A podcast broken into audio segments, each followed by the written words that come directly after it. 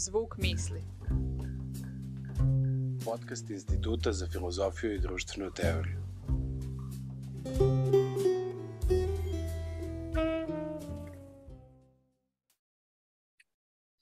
Uh, welcome to the yet another episode of Sound of Thoughts. Today we have the privilege uh, to be in the company of Birgit Sauer. Um, Birgit is a professor of political science at the University of Vienna. She is doubtlessly one of the major authorities in the research uh, of right wing populism, especially when it comes to gender, migrations, and how the right wing populists pervert those ideas and phenomena and transform them into tools of their affecting, affective governing political machinery. Um, last but not least, uh, uh, Birgit uh, is a friend of our institute. She, she was the PI of the Austrian research team on the Cultures of Rejection project, on which we have worked on together. Uh, so this episode might be seen also as a continuation of a conversation that has begun already some time ago. Uh, Birgit, hello. Hi, Andrea. Thanks so much for inviting me to this talk. I'm very pleased and I'm very honored to um, get in a conversation with you. Yeah, thank, thank you for being here. I'm, I'm also impatient. So I propose that we start our conversation within a rather general framework and shed some light uh, on the conceptual side of your research. So in your writings, the notions of right-wing populism, gender, and affects intertwine closely uh, in order to offer um, uh, a critical feminist perspective on our contemporary political conjuncture. Um, well, it is widely known that right-wing populists are seeing gender theory or what they call gender ideology, the bogus man, uh, as an enemy of the conservative masculine hegemony, the place of affects in this political juxtaposition seems less obvious, somehow more abstract, no? Could you please say a few words uh, about how right-wing populism use and abuse via affective governing uh, it is your term, uh, directing them against women, gender minorities, migrants, and all other social groups that they label as others? Yeah, so, well, first of all, I, I work on affect and, and emotion for quite some time. I think I started in the late 1990s. Um, and um, as a feminist, I was always um, upset because emotions have been excluded from democracy, from politics at all. And by doing this, also women have been excluded by being too emotional and so on from politics. And then suddenly uh, there was a debate about the politics of fear of right wing populist and authoritarian parties and movements. And then everybody was afraid, saying, oh, wow, they are destroying our liberal democracy. So, but what then? Do we have then to, um, I don't know, um, tighten these um, affects? Do we have exclude affects from um, politics again in order uh, to prohibit that right wingers manipulate the population through emotion. So and I found this a wrong um, way of perceiving, uh, perceiving right wing uh, mobilization. But I thought, well, um, these issue of emotion and affect in liberal democracies have been given to the right wingers. And they saw their opportunities that the other parties um, were not that emotional or tried to curb emotions. And that's why they started to explicitly start their affective campaign. And I think these affective campaigns, um, they are, of course, based on their antagonistic strategies of mobilization. And um, what we can say is that populism, right wing, but some say also left wing populism, is based on two antagonisms. And the first antagonism, we could say it's a vertical antagonism, saying we, the people, against the elites. And the second um, antagonism is we, the people, against others, meaning all people that are constructed as others. And these antagonisms, of course, they need affect and emotion. So um, this is why right-wing um, authoritarian actors use emotion to create their antagonism and to legitimize somehow how they understand and want to construct the people. What I also think what is important in this respect, and I always talk about right-wing authoritarian um, populism, and I uh, draw on Stuart Hall's notion of authoritarian populism, which he coined for the Thatcher government um, already. And he says, well, this is a sort um, of project. So it's an idea, it's a notion of actors to gain, let's say, um, hegemony um, over the feelings, the hearts, but also, of course, um, the consciousness of um, the population.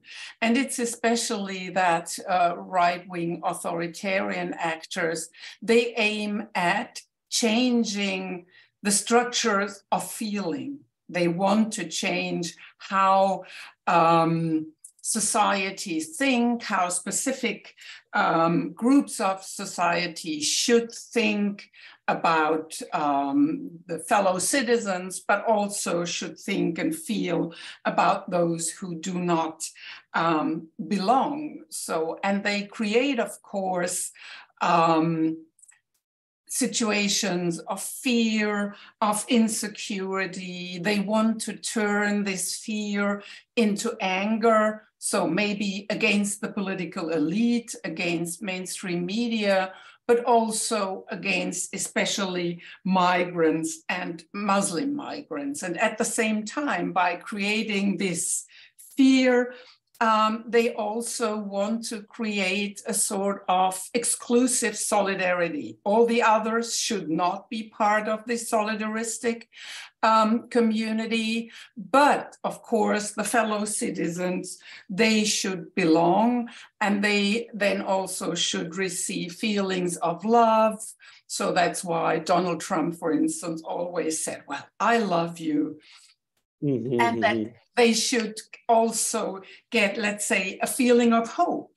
So the um, authoritarian leader also says, Well, I'm the savior, and I'll bring you hope that you will have, let's say, a sort of um, bright future if you, for instance, um, vote for me. And um, so I think this is um, the the game, the play, what authoritarian right wingers do, and I would say across the globe, and what they know and what they learned is um, that through affectivity and through emotions, people might be made governable.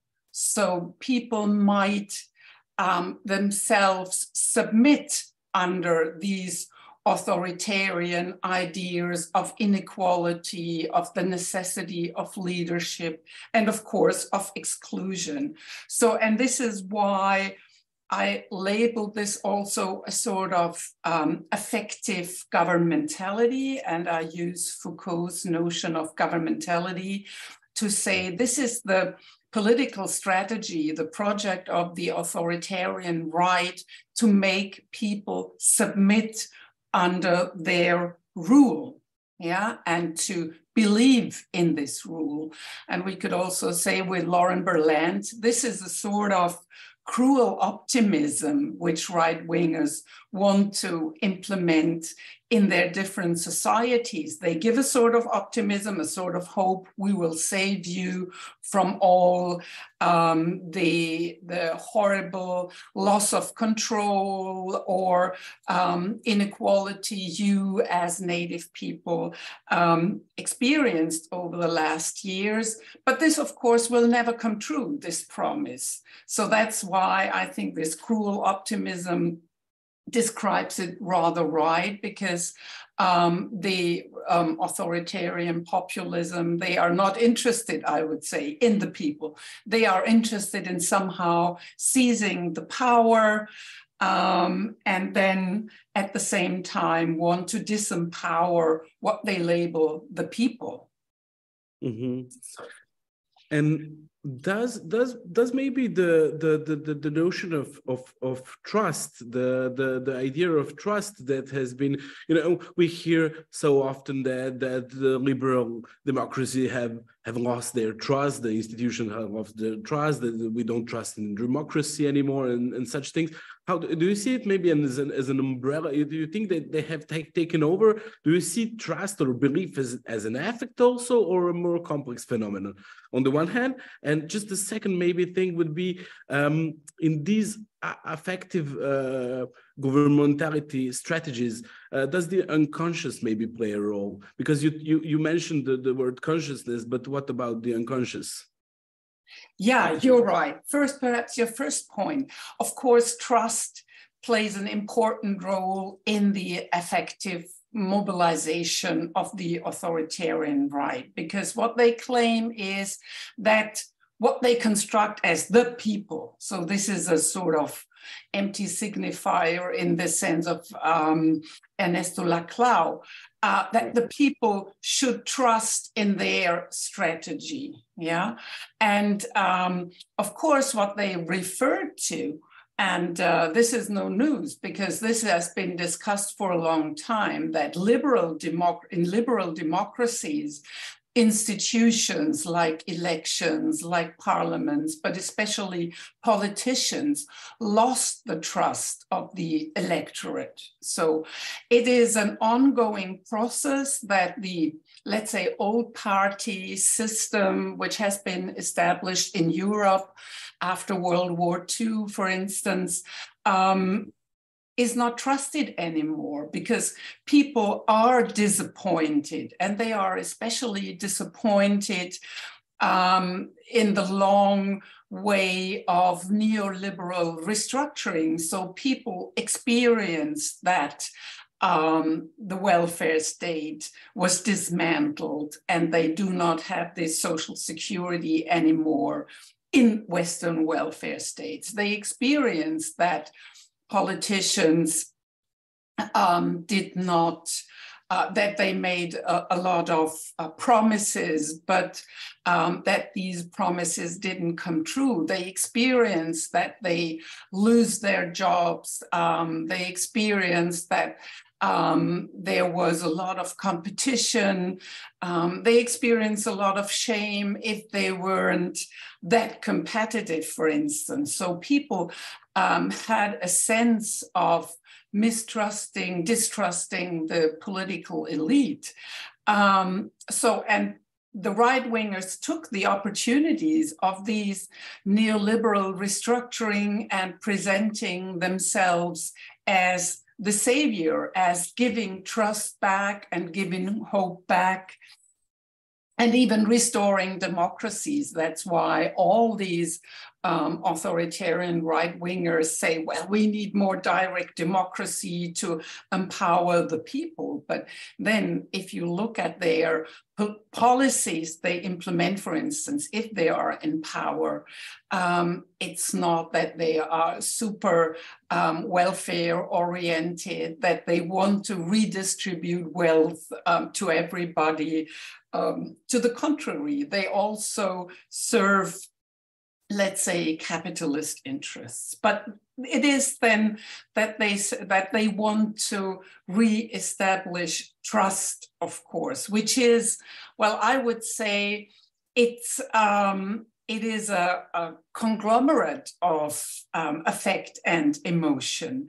And it needs um, a specific structure, feeling structure to trust in either political elites or media or experts.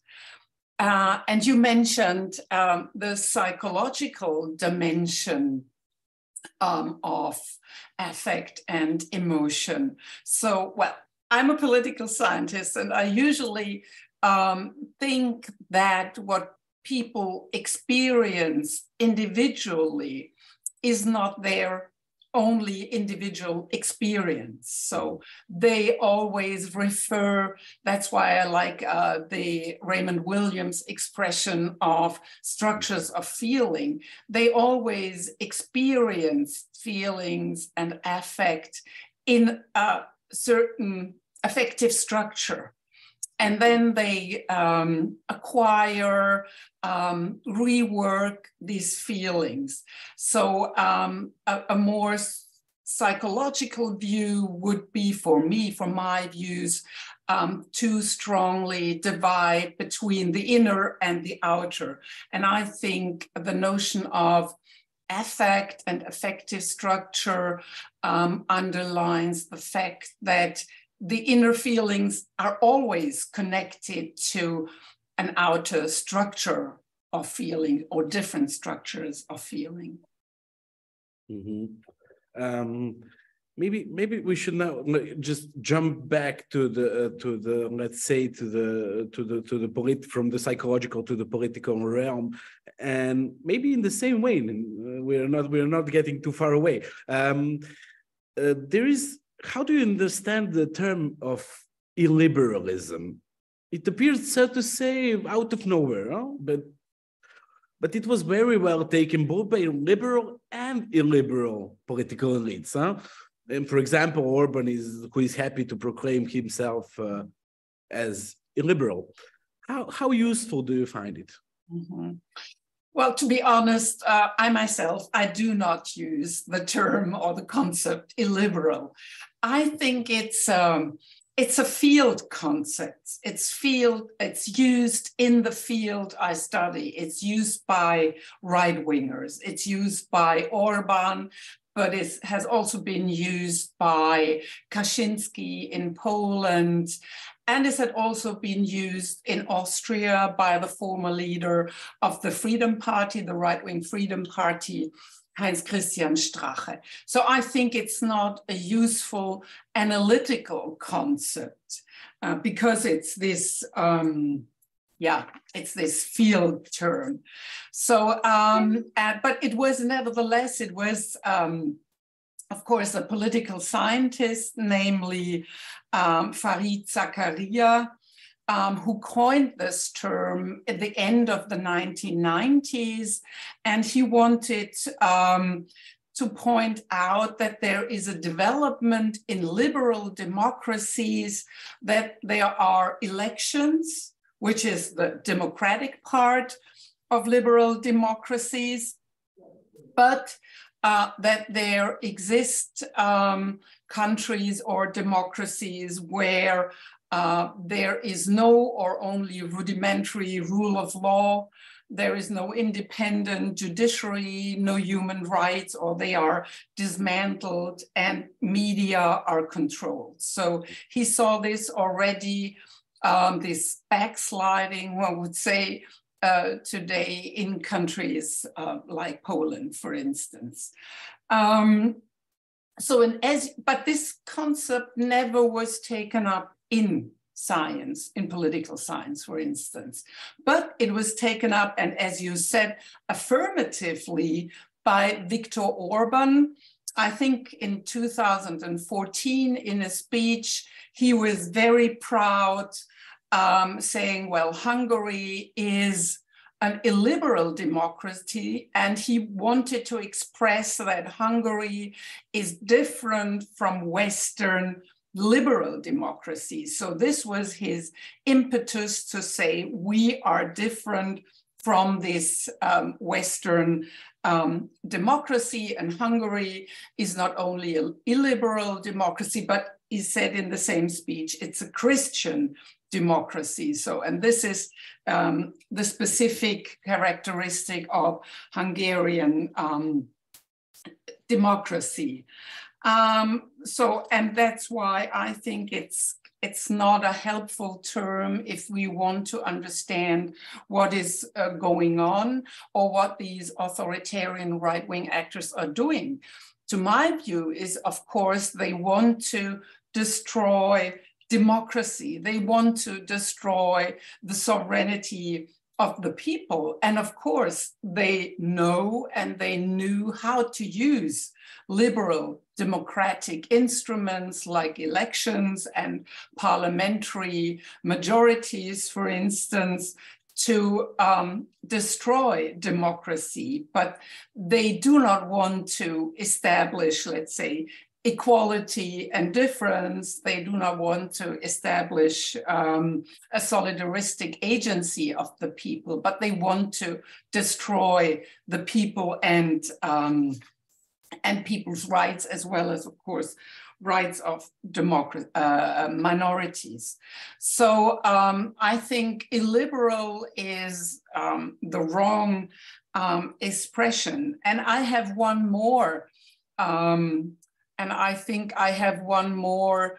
Um, I hesitate um, to use the expression because if we say, well, um, we criticize illiberal democracy, then we run the danger of legitimizing um, liberal democracy. And I myself, what I did as a feminist my whole academic life is to criticize, especially liberal democracy, um, for being exclusive, for um, yeah, for not uh, recognizing um, feminist claims, for instance, um, but um, for being uh, a way of governing, a bourgeois, we could say, way of governing capitalist and patriarchal societies. So liberal democracy uh, is not that what I would um, see as a um, feminist, diverse um, utopia. So um, yeah, I would say liberal democracy is the institutionalization of a capitalist, patriarchal, heteronormative order.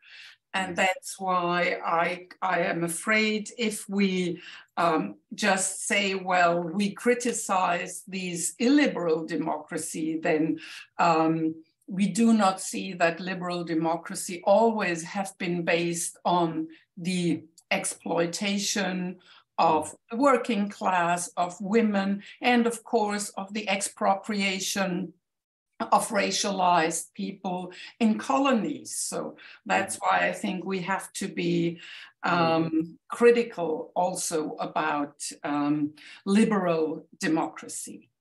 Yeah, so in the end of the day, maybe they did this opposition between liberal and, and illiberal, um, let's say, regimes are just uh, apparent, and to some extent, they they they coincide, and they coincide exactly in, on that level of, of, of domination and, and hegemony that they that they perpetrate. Um, but and both of them are are masculine political projects. Uh, this is a very very uh, important part of your work. So you claim that right wing populism is a masculinist project. Uh, in your text, you quite clearly claim that right wing populism is a male phenomenon, or even more so, a project of masculinist identity politics. Huh? The political science discourse on populism is still overly cautious to the call um, to call the things by their proper name. Huh? So, so, thank you for this uncompromising stance. Um, could you explain what is male about right-wing populism and why do you consider it a project and how do you understand this particular identity politics mm -hmm, mm -hmm. yeah so i i um, started to work on these anti-gender um, campaigning of the authoritarian right. You mentioned in the beginning of our conversation this what they label gender ideology. So I was interested in that. Um, but then I found, of course, they criticized the scientific concept gender, gender studies, gender mainstreaming as a equality strategy. Um, but I found also that they focus very much on men and masculinity. And what I found in mainstream political science research is that right wing parties are men's parties. So they are labeled as men's parties, Männerparteien, even the German term is sometimes used. And there are uh, several characteristic which makes political science think that they are men's parties. Um, and this is mainly that um, these parties overall have a male constituency and male party membership. They also have an overrepresentation of male parliamentary representatives because they um, are against party quotas. So you can see they are over, there is an overrepresentation of men. Um, they also have male leadership, but we can see, we can talk about this later because we see there are changes. We know all these um, female right-wing icons now. Mm-hmm. And uh, a fourth point is, of course, that um, less women vote for radical right wing parties than men do. So, this is why in political science, uh, these parties are labeled as men's parties. So, I was interested in why do mainly men um, um, either um, with um, low educational levels or out of work, for instance? Why do men vote for these parties? Why are they attracted by these parties? Um, so, and I said, well, I go into the ideology um, which is usually party pro programs. But of course, uh, not only as a political scientist, I know people do not read party programs. So uh, there must be other forms um, of uh, mobilization. And um, I found a lot of material in these anti gender um, mobilizations in across Europe, Western and Eastern Europe, but also um, across the globe. And what is interesting um, in this, um, I found in my research, I, I always ask myself, why do they jump on gender? Why that? It's not that an important issue in society. Yeah? Well, welfare, redistribution, social policy, health policy might be much more important. Why is it gender? Um, so, but uh, now what I found um, in my research is that this gender um, is important for um, the mobilization of what we would say the new right. So, what we can find in Europe, especially in Western Europe, and it was first the case in France, is that right wing parties after World War II changed their, that's why I call this political project. So, and they transformed from old right wing parties into new right wing parties. And the old parties, so especially the Front National um, in France, but also the Austrian Freedom Party. Uh, this party was um, founded right after World War II by old Nazis. Um, and there are also right wingers in Germany. So it's not that it's a new phenomenon um, mm. in these um, countries. But what was new is that the old right wingers, old Nazis, one could say, transformed into a new right. And that and they straight changed their strategy. They were aware that after World War II, they were not able to seize power or to, um, to conquer the state apparatus. But they said, well, we first have to gain cultural hegemony. And they used um, the notion of hegemony, but by the um, Italian communist Antonio Gramsci, mm. um, and turned it into their right-wing strategy, strategy, saying, well, we first have to win the hearts, the ideas, um, um, the bodies, the emotions of um, the people.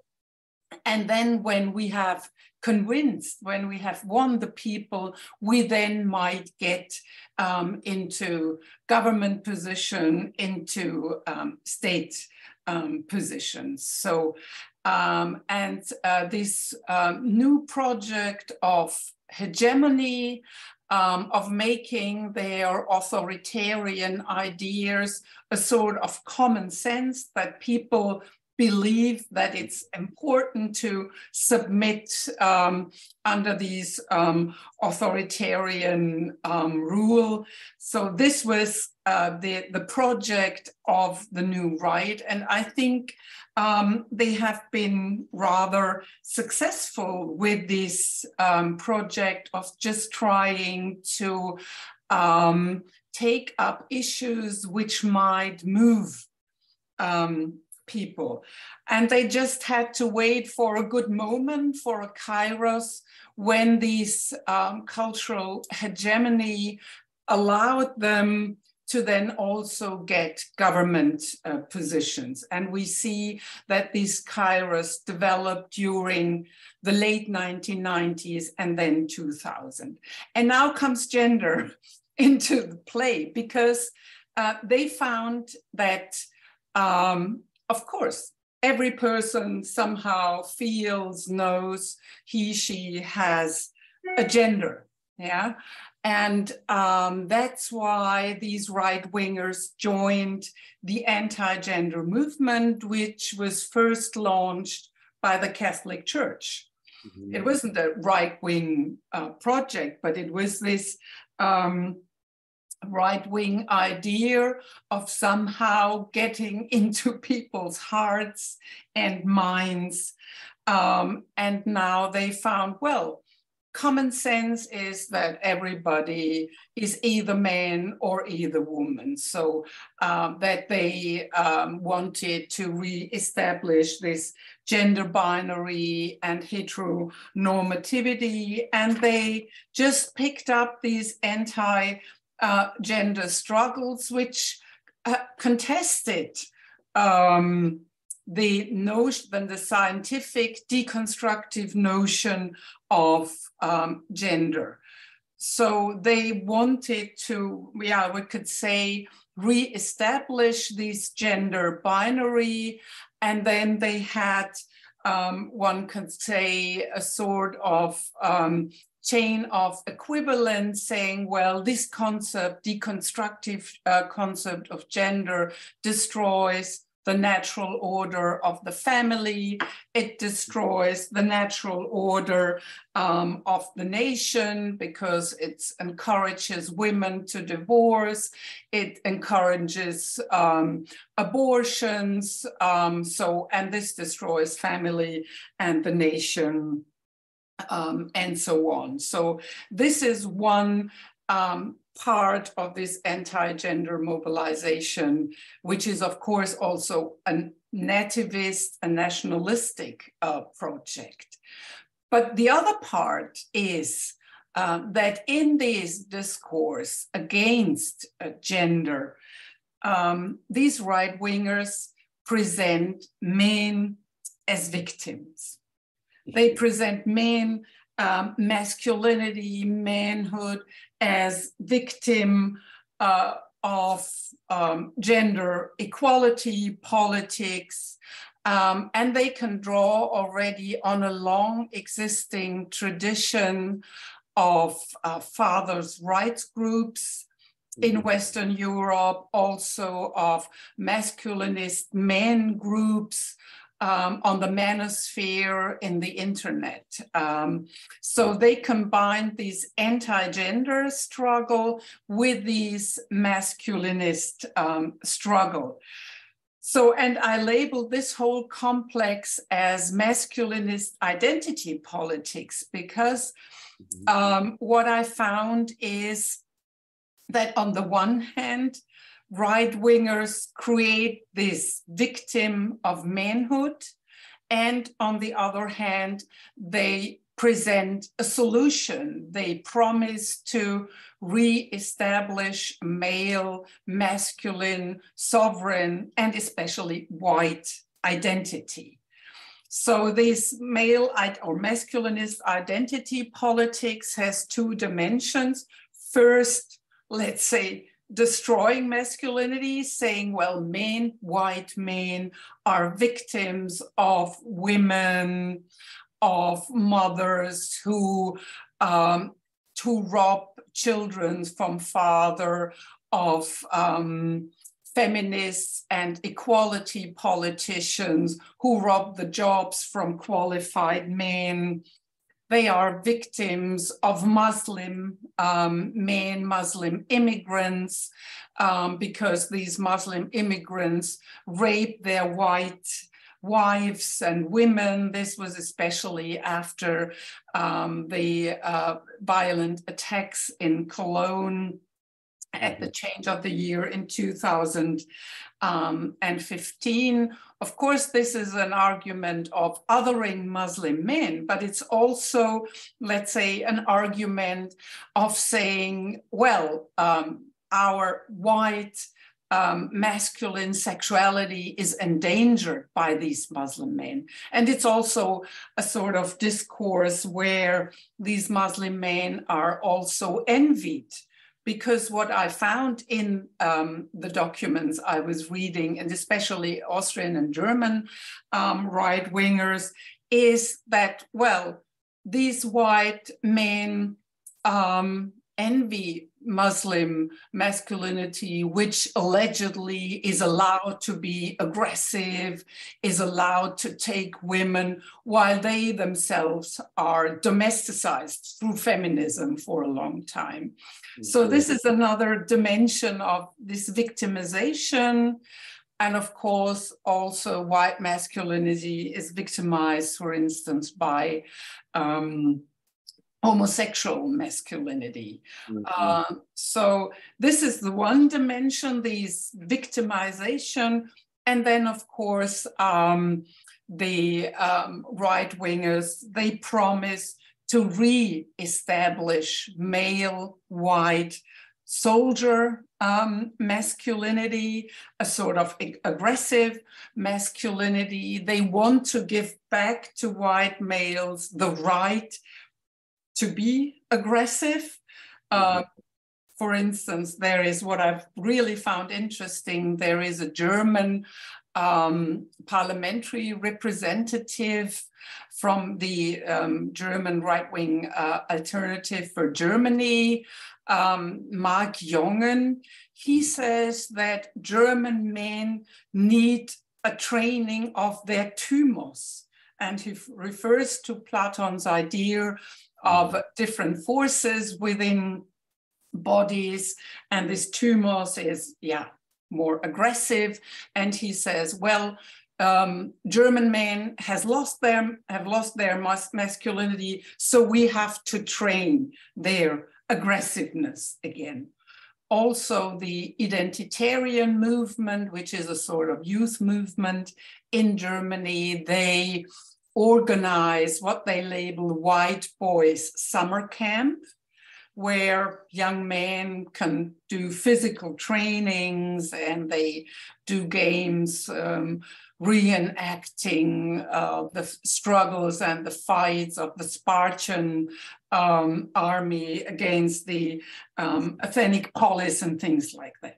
So they promise to re-establish a bodily strong and aggressive uh, male identity. So, and I think this is um, this is why I labeled this uh, masculinist identity politics of the right. And this is one component, I would say, why right wing parties are attractive for men, although they are also attractive for women, for instance. Yes, that that that that opens quite quite a lot of questions.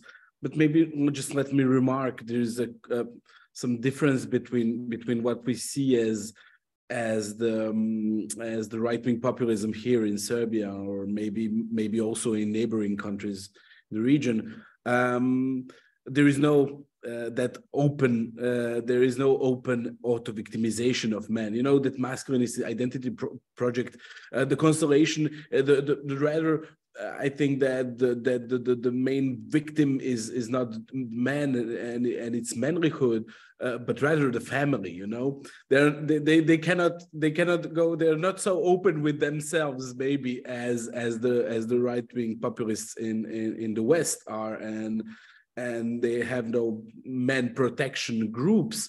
But actually, there is a substitute uh, substitute. Uh, uh, form or actor that that is family so and who protects the family is the man so the man is attacked but only by via the family so not not not, not directly and that brings me um, to to maybe to the next question that that would that would concern the, the the difference between the eastern and the western Europe populisms that could, that could be interesting. The anti-gender mobilizations are are becoming a quotidian reality in the whole Europe. That there is no no no exception to that. I think.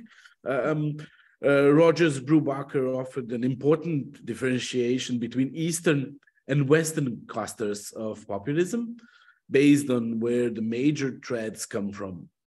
Uh, and in in one cluster, we have a return to the identitarian Christianism, a secularist posture, a philosemitic stance, and an ostensibly liberal defense of gender um, equality, gay rights, and freedom of speech. From this perspective, illiberalism is inherent to Islam, and as, as you told just before, and is therefore threatening the liberal civilized Europe. So on the one on the one hand, um, the East Central Europe's populism rests mostly on the national semantics liberalism is bad because it presents itself as yet another form of foreign domination, today expressed as di- dictate from Brussels. Mm, but now, if we take uh, this differentiation is meaningful, the question is why there are also increasingly anti-gender campaigns in the western parts of Europe. Um, author like Will, Will Mannon's political economy of populism uh, do bearing in mind in the strength of anti-gender mobilization uh, in post-socialist Europe, or for that matter, Brazil, maybe, why not? Um, how would you explain the sources of anti-gender mobilization, which is, despite the regional differences, a true global and transitional phenomenon today? Mm -hmm. Yeah, well, we work with Brubaker's differentiation also in another project, and we found it, well, it's of course a little bit too rough, but nevertheless, um, it's interesting. We compared in this project Austria and Slovenian um, right wing um, mobilization and media campaigns. And um, what we indeed found is that um, in Austria, there was more uh, mobilization of fear against the Christian civilization, mm. while in Slovenia, we found more um, mobilization of fear against the nation and of and then mobilization of protection of national borders um, against Muslims, for instance. So um, I would say there are um, differences, of course. I'm not sure if there are differences only between the West and the Eastern countries, because Western as well as Eastern countries have um, rather different um, historical capitalist trajectories as well as uh, state socialist um, trajectories. And what we found also with respect, and you mentioned that already, um, with Slovenia, there the anti-gender mobilization wasn't that much against the deconstructive concept of gender, but it was especially against same-sex marriage. So, and there the Janša um, government um, opposed same sex marriage, of course, together with the Catholic Church, which is also um, an important player in some um, of the um, um, Eastern countries. so I think there are interesting um, differences. But what we can see in countries like Hungary, but also um, in Poland is that they fully support the Catholic Church um, anti gender um, mobilization, and they see gender um, again as a threat to the heterosexual family. Um, this is what we found, as you said, for Serbia, in Hungary as well um, as in Poland, for instance. Um, and they want to protect children and uh, mainly the family. Um, what they, of course, see as a natural order um, and a natural basis for um, the nation and of course, they frame um, in this uh, mobilization abortion as murder, and they deny reproductive rights um, to women. And but what we also see is that, especially Poland and Hungary, they use their anti-gender campaign as a campaign against what they see as the decadent West. This is, we can find this also um, in Russia, where the Orthodox Church is supporting this anti um, gender campaign. So, and in Poland, anti gender, anti abortion activists, they um, call gender mainstreaming as Ebola from Brussels, so a deadly virus from wow. Brussels it's really weird yeah? It's really weird just to but um, by, by the by the way ebola is you know we know where where ebola is the most most spread so there is a racist component to it. It's it's, it's crazy it's a crazy yeah. it's it's what really... what a formulation. It's it's yeah. Yeah. Yeah, it's horrifying. So, it's well, horrifying. it's really horrible. And and we call this therefore as a sort of reverse colonialism or subverted colonialism, because what these um, Polish and Hungarian activists do, and I think it's the same for the Orthodox Church in Russia or what Putin um, did uh, to legitimize the war against Ukraine, is well, the West is colonizing us. Yeah. Um, and that's why we have to defend our own national identity against this EU um, colonialist attacks. Um, and um, of course, then at, at, the same time, they um, promote their racist and white agenda. And I think this is important for, uh, it's not um, astonishing, it's not new, um, but we have to see that all these authoritarian right wing actors combine their anti gender, their homophobic mobilization, always with a racist mobilization yes. against immigrants, of course, but all uh, against all people they racialize um, in their um, in their communication. Yeah. Um, so, and what I think what is interesting, and you asked for the resources and why it is a global phenomenon, these anti-gender um, mobilizations. So Um, first, we could see, well, these gender um, is something which holds together, which brings together rather different right wing actors, together with other anti gender actors, namely, for instance, Catholic, but also very conservative Orthodox and Muslim churches and communities. So Gender is what uh, Eszter Kováts and Andrea Pető labeled the symbolic glue mm-hmm. for these um, um, actors.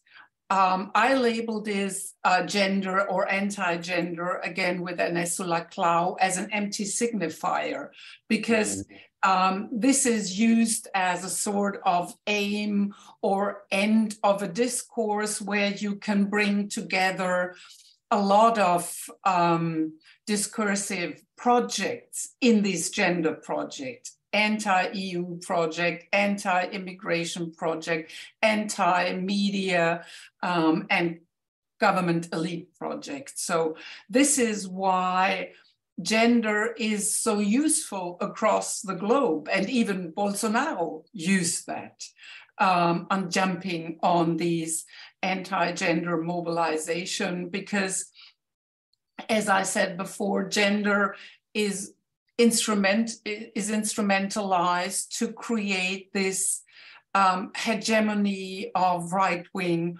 authoritarianism. So this is one point why I think gender is used in rather different um, um, regions of the world, um, you could say. And the second point is that the anti-gender movement is supported by the most global actor, and this is the Catholic Church. Yeah, this is why you find anti-gender mobilization in Latin America. Yeah, um, that's why you partly find it in Africa, where the Catholic Church um, is strong and they bring this um, topos together with their population policy in these regions. Um, and of course, they also fund some of this activism. But there are other global actors funded either by right wingers or by pro life activists and this is the platform, the online, the digital platform CitizenGO. And they launch anti abortion, anti gender mobilizations um, across the globe, especially in Europe. They organized um, uh, organized online petition against, for instance, the Lunacek report in the European Parliament, mm-hmm. um, which uh, promoted um, same sex rights. Homosexual rights, and um, so this CitizenGO mobilized against it.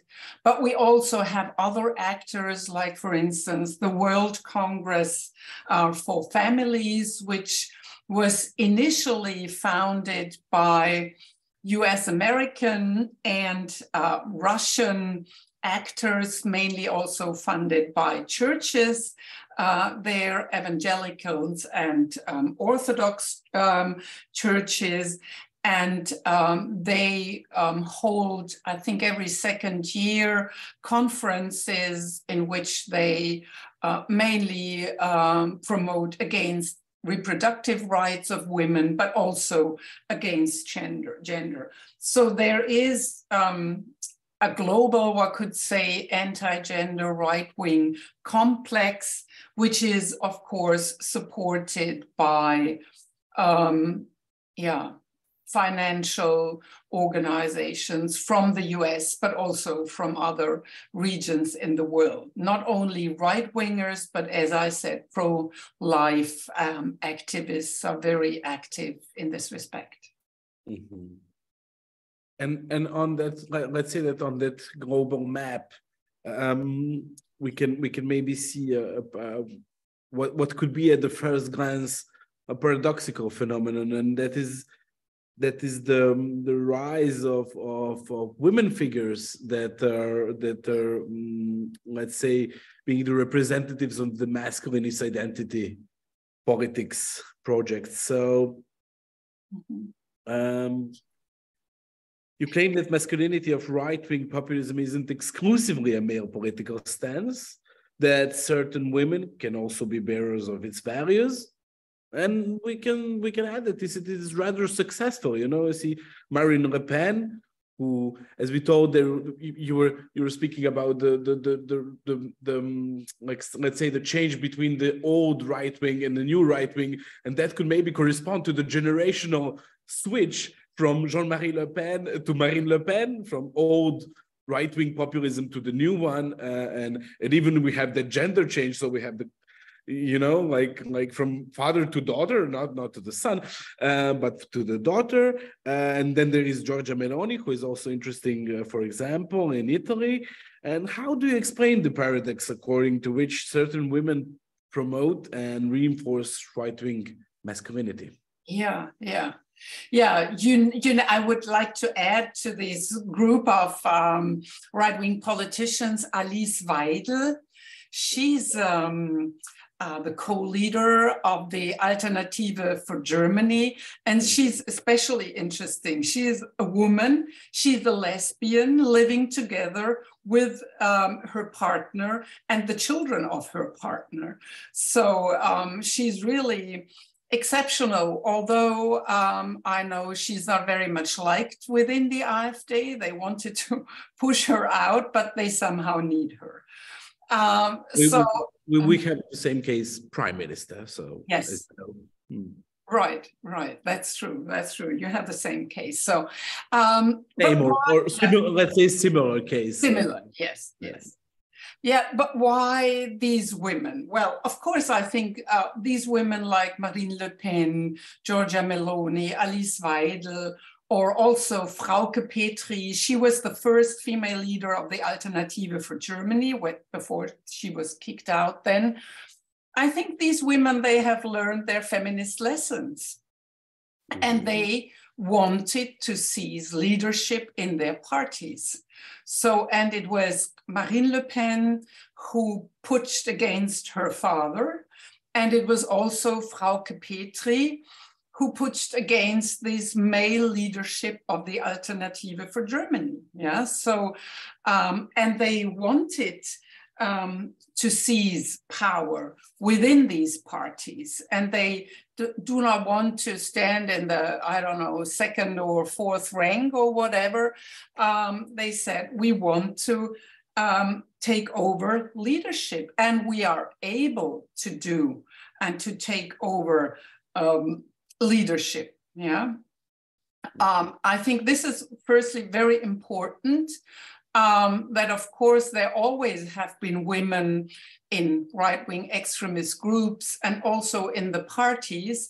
Um, but for a long time, they did not um, want to seize power. But I think the more the parties gained um, votes, for instance, they saw that they might have um, that they can have also a political career in these parties.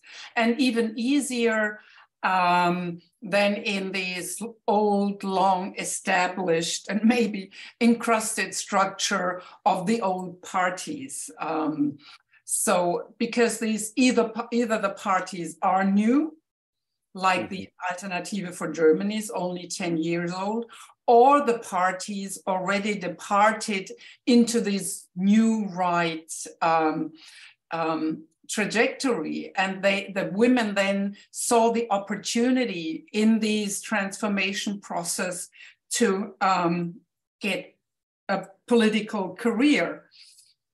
And the other issue what is discussed is that um, the party apparatus um, instrumentalize um, these women, yeah, um, because they want to um, win women votes. They know that they lack women votes, and if they thought then if they want to mobilize uh, women as voters, maybe they need a more female face. So that's also um, a way why women um, got the opportunity to get into leadership um, position. But what is interesting, if we look at these women, so neither Marine Le Pen, nor Alice Weidel, nor Giorgia Meloni perform this mother type uh, which is part of the ideology of their mm-hmm. parties, even though Giorgia Meloni campaigned um, in the election saying, we, I am a mother, I'm an Italian mother, and so on. Now what she performs is not a sort of motherly um, type of politics, uh, you could say. But um, all these women perform a tough and what I would label masculinist form um, of politics, mainly just being exclusive, blaming those um, who are not competitive um, in neoliberal um, economy. And they really produce this antagonistic, um, masculinist uh, propaganda against migrants, against gender and gender mainstreaming.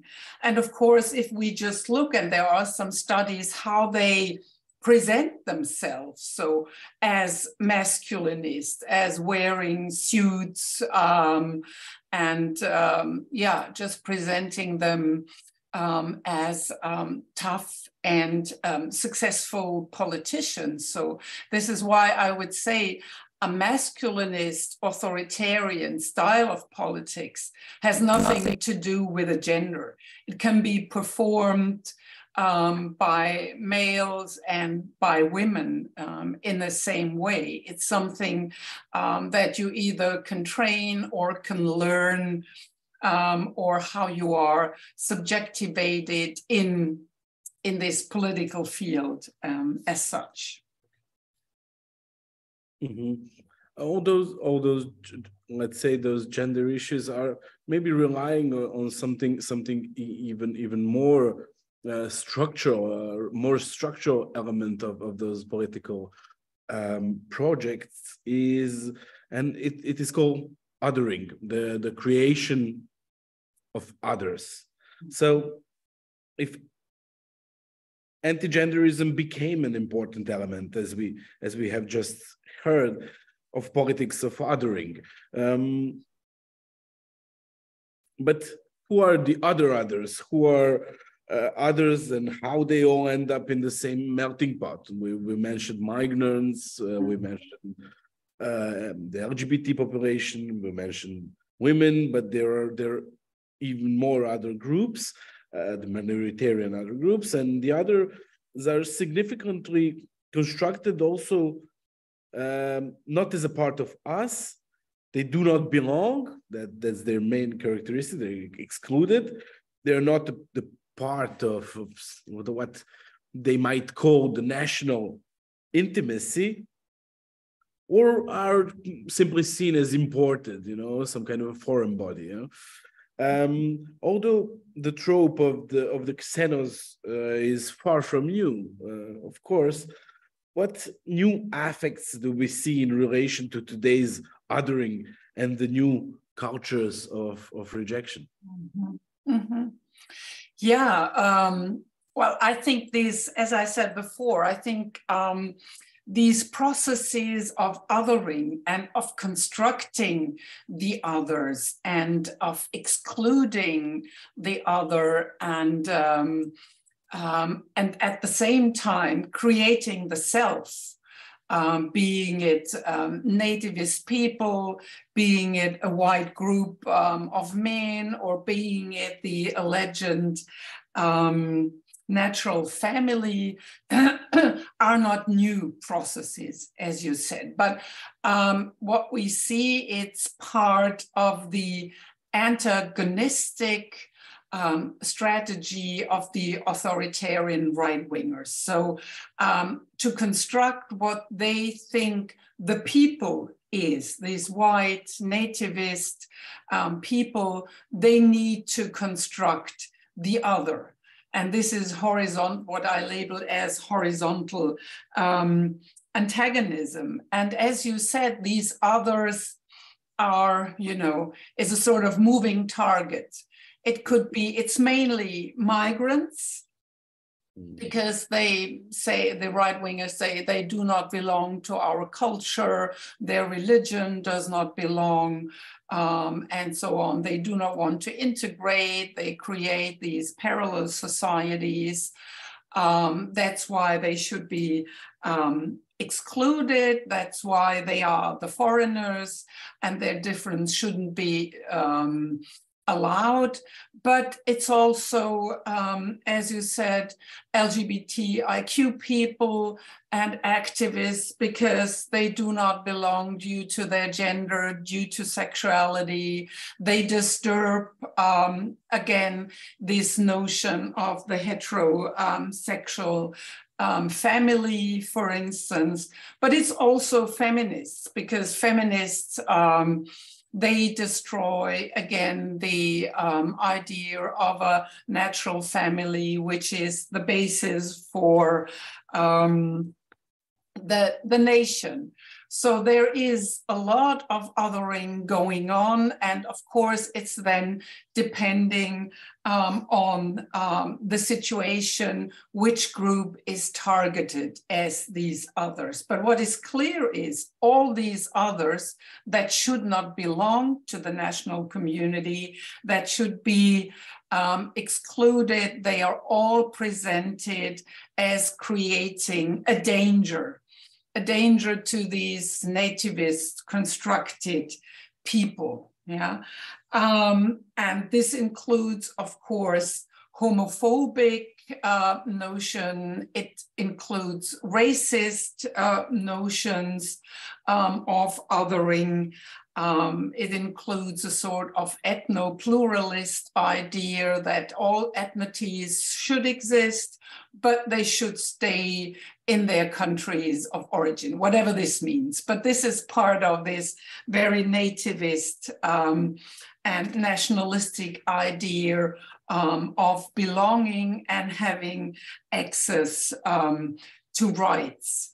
So um, what is, let's say, what is new in this um, idea of constructing um, the others today is, um, I would say, it's more um, an affectivity um, that is, on the one hand, rejective, but on the other hand, creates this um, solidarity, solidarity between a we, which is, as I said, um, constructed as the people.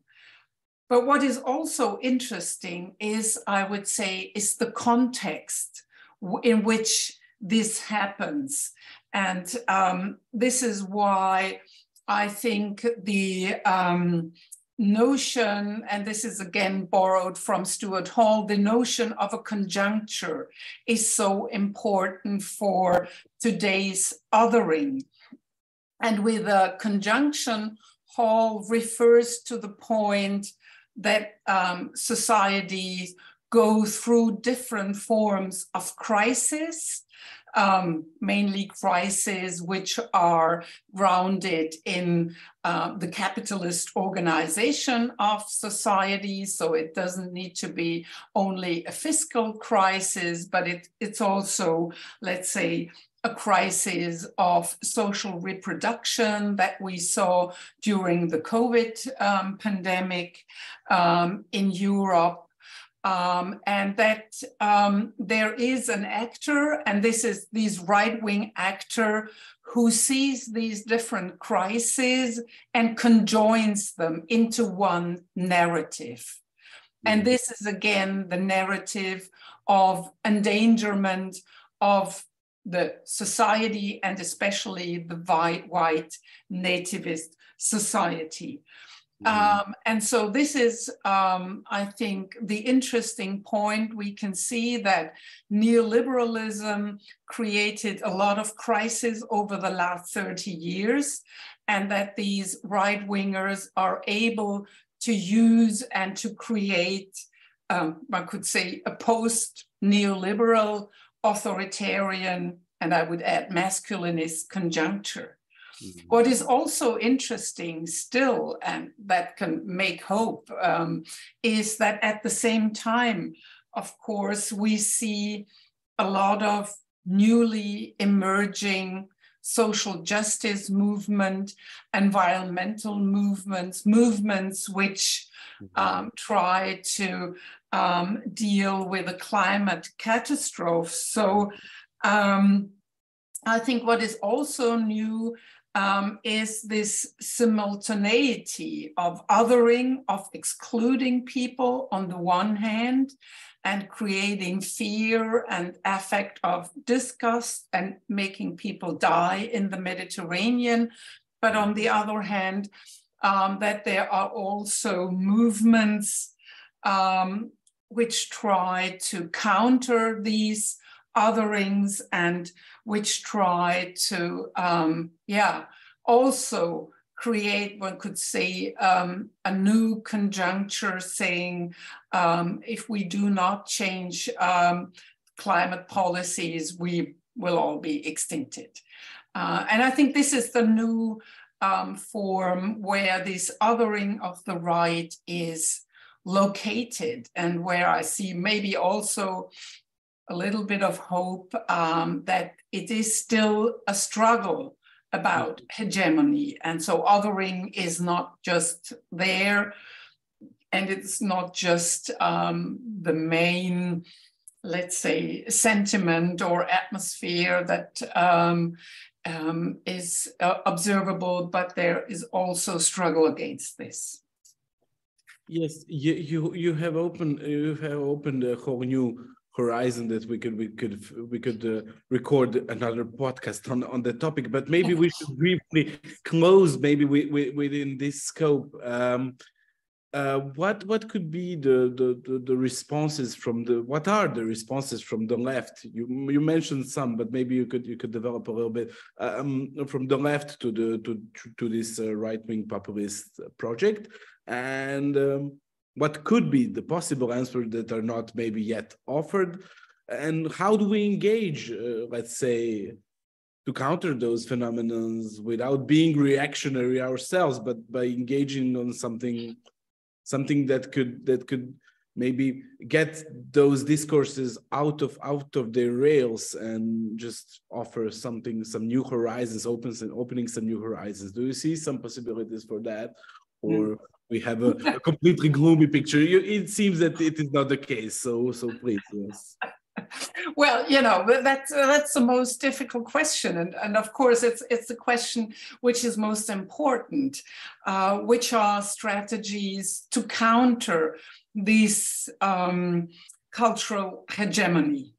Uh, what I think what the wrong strategy is um, is to uh, let's say divide a leftist project. And I see a lot of attempts to divide by blaming identity politics, by blaming cancel culture, and so on. Yeah, I think this is really a wrong strategy because what a left emancipatory strategy needs is to um, join forces of um, different movements, different NGOs, different strands of um, fighting um, this right wing hegemonic project. I think we still have to go on and say, well, there is a way of, um, let's say, um, individual autonomy, self determination, which is not based in a sovereign idea of the freedom of um, the individual, but which is based on the grounds of solidarity, of care for each other, and of course, of care for oneself. And I think this is, let's say, a political project which seems maybe a little bit out of space. But I would say if this notion of care would be taken more serious, this could be a political project because um, all those environmental activists um, of course, they say, well, we have to take care about the environment. We have to see our position as human beings, not um, exploiting nature, but being part of nature. So, and therefore taking care of nature. We have to see uh, that um, capitalist production always has ignored social reproduction and the issue of care. So in Germany, we now have a movement, even within um, trade unions saying, yeah, well, we have to look at the care sector. This has been ignored for such a long time. So we have to mobilize people in the care sector, being in hospitals where the first stri strikes began, but also in 24 hour caretakers. They have to be unionized. So there is another idea of the relation of productive labor and reproductive labor. So these are, um, I think, projects and trajectories uh, which could be taken into account. And uh, then we have the different um, political groups and activists, migrant activists within unions, but also um, activists uh, in the Mediterranean trying to save refugees. Um, and um, I have an idea. It's well, it's not uh, a sort of rainbow coalition, but I think all these um, groups um, um, LGBTIQ people fighting against discrimination, taking care for their own rights, um, and feminists. Um, if they see that it's um, it's about reorganizing capitalism, to say it bluntly, yeah, um, not reorganize, but better to overcome this idea of a capitalist, patriarchal, heteronormative organization of society. And we should fight this. Um, I think this could be a project which counters the authoritarian right, because it would then destroy their hegemonic project and I, projects. And I think um, this is what is needed: an alternative, also an effective um, affective and emotional alternative um, to see that how taking care of each other might work, you know, and the, the welfare state in the 19th century aimed at trying to take care of the rights of the workers, yeah, and to establish, to institutionalize in the welfare state uh, this taking care of workers' rights. Of course, this was a masculinist project in the 19th and the 20th century and excluded women for a long time from the welfare compromise. But it was the idea um, that um, capitalism um, needs to be embedded in social care structures. So I think we need um, some something to reinvent this social infrastructure. And for me, this idea of a social infrastructure free for everybody um, would be an institutionalization of equality, um, of solidarity, and um, this might then um, disrupt and end the hegemonic project of the authoritarian right. Great. Yeah, we, we, we, we could then end on this on this uh, let's say optimistic note or, or hopeful note uh, on on on on care that could that could make intersectionality of struggles, as we as we like to say, possible and and even more more efficient anyway. Thank you very much, Birgit Sauer, for for being on our podcast, and and and it was really interesting. Thank you so much. Yeah, thank you for having me. Thanks.